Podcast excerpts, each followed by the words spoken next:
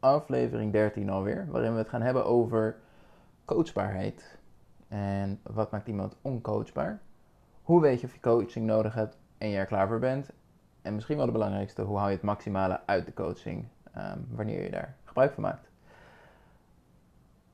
Alle coaches en trainers die hier nu naar luisteren zullen enorm zuchten, steunen en lachen van herkenning. Ik ga namelijk een aantal typische oncoachbare voorbeelden beschrijven. En ik ga het niet ontkennen, dit zijn voorbeelden uit mijn eigen ervaring. Vooruit mijn tijd als personal trainer, toen ik zelf niet kon bepalen wie geschikt was uh, voor mijn coaching en wie niet. Aangezien de sportschool uh, klanten toewees en alles aannam wat maar los en vast zat. Om te beginnen, de ik weet alles al en toch lukt het niet. Dit is iemand die besluit dat ze coaching nodig heeft omdat, nou ja, ze haar doel niet bereikt heeft. Maar vervolgens eigenlijk helemaal niet open staat om gecoacht te worden. Je komt met een theorie, met een advies um, als reactie op haar probleem. En vervolgens heeft ze allerlei antwoorden klaar waarom dat niet gaat werken, hoe ze dat al gedaan heeft, maar eigenlijk nooit goed heeft toegepast. Alles heeft een weerwoord. En waar ik straks ook op inhaak is dat vragen stellen absoluut geen probleem is en iets wat je vooral juist moet doen. Maar er zit een bepaalde grens aan. Um, en uh, deze persoon kent die grens duidelijk niet. Past adviezen dan ook niet toe, komt afspraken niet na. En misschien wel de vervelendste um, voor zichzelf, maar ook voor de coach in kwestie. Ze legt de verantwoordelijkheid van haar falen bij de coach neer. Het lag niet aan haar dat niks lukte, want het waren zijn adviezen die niet werkten en hij snapte er niks van. En nogmaals, alle coaches en trainers die hier naar luisteren, die kennen precies, die hebben iemand in hun hoofd als ik dit zo vertel en die denken: ik ben zo blij dat ik hem of haar niet meer als cliënt heb. Wees deze persoon alsjeblieft niet. Vervolgens is er de: ik wil het echt, maar. En dat zijn de mensen die een aantal gewoontes of, of dingen hebben die ze weigeren op te geven. Terwijl die eigenlijk de oorzaak zijn van het hele probleem voorbeeld wat ik daarvan heb is ehm, iemand die gemiddeld zo'n twee flesjes bier per dag dronk, plus twee, drie dagen in de week had waar dat er uh, uh, richting de 8 à 10 waren. Nou ja, niet heel gek dus dat je mij vervolgens vertelt dat je slecht slaapt, wekelijks aankomt, altijd trek hebt en je erg ongemotiveerd voelt. Er bestaat geen gezonde leefstijl of fit lichaam waarbij je zoveel drinkt vervolgens vertellen dat je daar alles voor over hebt om af te vallen.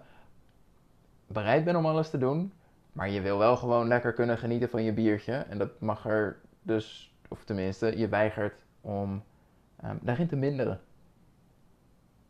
En wederom, verantwoordelijkheid wordt neergelegd bij de coach en niet bij, hé, hey, misschien moet ik iets gaan doen aan mijn um, drank, nou ja, probleem mag ik het niet noemen, um, maar mijn uh, alcoholconsumptie. En nummer drie, de jij moet me motiveren. En jij moet mijn stok achter de deur zijn. Het zijn mensen die starten heel gemotiveerd aan een traject en lijken daardoor in eerste instantie ook fantastische cliënten. Mooie resultaten in de eerste weken. Um, staan open, stellen vragen. Waar het een beetje misgaat is vervolgens dat ze veel te hard gaan voor zichzelf hele ambitieuze, hele ambitieuze doelen en afspraken. Zelfs wanneer je aangeeft dat dit niet haalbaar is, niet nodig ook is. Het ding is dat ze vervolgens dus ook die afspraken niet naar waar kunnen maken, niet na kunnen komen, die doelen niet waar kunnen maken. En de motivatie heel snel afneemt. En dan kom je dus bij het ja, eindeloze rondje aan van ja, het lukt me niet. Jij moet me motiveren zodat ik weer aankom of aanga. Um, ik heb tips nodig. En je, uh, het werkt niet. Het vervelende bij deze is dat in de meeste gevallen, en dat blijft terugkomen, eindigt de verantwoordelijkheid weer bij de coach. Um, of bij haar gebrek aan motivatie. En dat is natuurlijk een hele stomme, want het probleem is hier niet de motivatie, maar de manier waarop ze omgaat met haar coaching. Nou, dit waren wat versimpelde voorbeelden van oncoachbare mensen. Um, wat ik nu wil doen is heel even de onderliggende theorie met je induiken. Daarna gaan we gelijk door naar de vragen waar je waarschijnlijk voor gekomen bent. Hoe weet je of je coaching nodig hebt en hoe haal je er het maximale uit? Die theorie, ehm, die ik ook kan terugkoppelen aan uh, de voorbeelden van net. Um, de allerbelangrijkste hierin is het uh, transtheoretisch model. Dus een hele mooie naam die je gelijk mag vergeten. Maar die werkt als volgt. Er zijn een aantal uh, stadia waar je doorheen gaat als het gaat over gedragsverandering.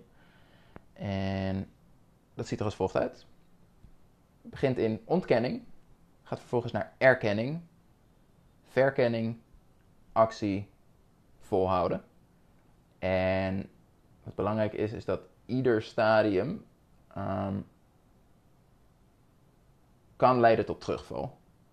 Dus het kan heel goed zijn dat iemand terugvalt in het stadium van erkennen, erkenning. Het kan zijn dat iemand terugvalt in het stukje volhouden. Um, ja, goed om te weten. Gaan we verder niet heel diep op in. Um, anyway. Um, voorbeeld hiervan is bijvoorbeeld dus stadium 1 ontkenning. Bij overgewicht is, nou ja, ja, ik ben misschien te zwaar, maar ik heb er verder geen last van. Het boeit me niet. Vervolgens komt de erkenning. Ik heb last van mijn gewicht. Mijn gewicht is een probleem. Het is niet gezond voor me. Ik heb veel te weinig energie om te doen wat ik eigenlijk zou willen doen. Um, maar daar blijft het ook bij. Bewustzijn van het probleem, maar er nog niks mee doen. Vervolgens gaan we naar verkenning. En dat zijn de punten waarop mensen gaan kijken naar: moet ik misschien een dieet volgen? Moet ik hulp inschakelen? Um, wat dus hopelijk leidt tot het volgende stadium van actie, maar wat ook kan betekenen dat iemand zegt: Ik weet niet waar ik, waar ik moet beginnen, wat ik moet doen. En terug gaat naar het stukje ontkenning joh, lekker belangrijk. Het kost me veel te veel moeite om iets te doen aan mijn overgewicht. Of een stukje erkenning. Ik weet dat het een probleem is, maar ik weet niet wat ik moet doen. Nou ja, vervolgens kom je bij actie. En dat is waar iemand bijvoorbeeld een dieet volgt of een coach inschakelt. Wat hopelijk leidt tot volhouden en niet tot terugval. Ehm, en dat is dus bijvoorbeeld dat um, nou ja, de gedragsverandering in stand blijft. De tips van de coach opgevolgd worden en uh, leiden tot nieuwe gewoontes en leiden tot een veel gezonder gewicht wat je in die eerste twee voorbeelden van net zag, de um, ik weet alles al en het lukt toch niet. Um, en de ik wil het echt, maar het moet me niet te veel kosten. Um, dit zijn mensen nog in de onkennende fase van dit model. Dus die zien het probleem niet onder ogen en dan valt er ook niks op te lossen. Derde voorbeeld erkent het probleem wel en verkent zich ook op de mogelijkheden, maar is eigenlijk nog niet toe aan actie. En dan krijg je dus die hele gemotiveerde start, veel te ambitieuze doelen, um, maar uiteindelijk valt het toch weer. Ontkenning, erkenning, verkenning, actie en volhouden. Tot zover alles over wat iemand oncoachbaar maakt en vooral ook waarom.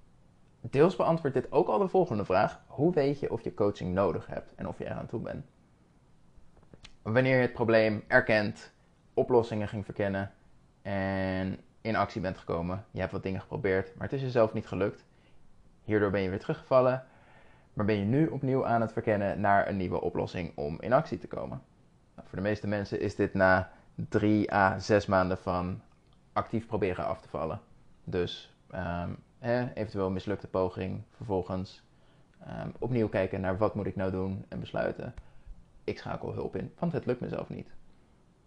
Wat hier vooral heel belangrijk bij is, is dat langer zelf blijven proberen over het algemeen veel meer schade aanricht dan dat het kans geeft om te slagen. En de reden daarvan is vooral de ongezonde overtuigingen die men overhoudt aan al die afvalpogingen. En dat zit hem bijvoorbeeld in een stukje zelfvertrouwen. Met ik heb het al zes keer geprobeerd en het lukte allemaal niet. Hoe kan een coach dat veranderen? Waarom zou het nu wel lukken? Um, maar ook simpele dingen als ik heb drie maanden lang koolhydraatarm gegeten en daardoor viel ik heel snel af. Maar daarna kwam ik weer aan, dus nu ben ik bang om koolhydraten te eten, want dan kom ik weer zo hard aan. Um, nou ja, daarbij heeft het ook gewoon gevolgen voor je metabolisme, wat je ermee beschadigt en wat um, aardig wat tijd nodig heeft om vervolgens weer te herstellen. Maar dat is een onderwerp voor een andere keer. Plus je verspilt gewoon heel veel geld um, met de dieetproducten, de detoxes, et cetera. En wat ergens een beetje gek is, is hoe normaal het is of lijkt om een jaar, twee jaar, drie jaar, vier jaar langer zelf blijven te proberen om af te vallen terwijl het niet lukt, voordat iemand eindelijk hulp inschakelt. Ik bedoel, als je auto stuk is, misschien heb je een beetje basiskennis om er zelf naar te kijken en het eventueel op te lossen. Anders gaat hij gelijk naar de monteur. Lekkage in huis, of je weet hoe je het op moet, op, op moet lossen. Of je schakelt gelijk de loodgieter in. Ik geloof dat het de loodgieter is die dat regelt. Je hebt ergens last van, uh, waarschijnlijk bij zo iemand die het even in Google opzoekt, geen conclusie kan trekken en naar de dokter gaat. Maar overgewicht is zo'n ding waar we jarenlang zelf pogingen blijven doen in plaats van de professional inschakelen die daarvoor getraind is, opgeleid is. Stel, nieuw jaar, nieuwe kansen, je bent klaar om in actie te komen. Hoe hou je dan het maximale uit je coaching? Allereerst, stel vragen. Enerzijds is dat de waarom achter bepaalde adviezen. Waarom moet ik minder koolhydraten eten? Waarom is slaap zo belangrijk? Um, zodat je weet waarom je het doet. Dit is een heel belangrijk um,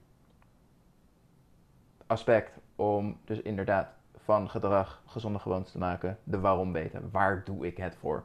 Anders is het heel makkelijk om terug te vallen in oude gewoontes. Maar ook de waarom achter je eigen doelen. Waarom is dit belangrijk voor me? Waar doe ik het voor? Hetzelfde verhaal. Op de momenten dat het lastig is, is het heel belangrijk om te weten wat er tegenover staat. Je doet het niet omdat het leuk is als er twee getallen op de weegschaal staan in plaats van drie. Um, je doet het omdat je na twee minuten staat te hijgen terwijl je met je kinderen aan het spelen bent en dat gewoon beschamend vindt, maar ook jezelf een teleurstelling vindt naar je kinderen toe. Um, niet mijn woorden. Los daarvan uiteraard ook um, algemene vragen stellen die je hebt. hey, ik kwam dit tegen, is dat waar? Um, ik las dat koolhydraten slecht voor me zijn, is dat waar? Nee. Um, stel je vragen. Je hebt een professional bij wie, je, bij wie je de vragen kwijt kan, maak er gebruik van. Nummer twee, kies de juiste coach. Lijkt me niet heel onbelangrijk. Kies niet zomaar een coach omdat een kennis er goed resultaat mee behaalde. Als je twintig weken lang met iemand samenwerkt, moet je elkaar op zijn minst uit kunnen staan. Dat is wel zo handig. Als je een klik hebt, is dat een bonus, maar ook niet altijd noodzakelijk. Soms is het best handig juist om iemand te hebben die uh, um, wat harder voor je kan zijn wanneer dat nodig is, in plaats van um, aardig gevonden wil worden. Dat is ook de reden dat ik altijd een gesprek voer um, voordat iemand een traject bij mij kan starten.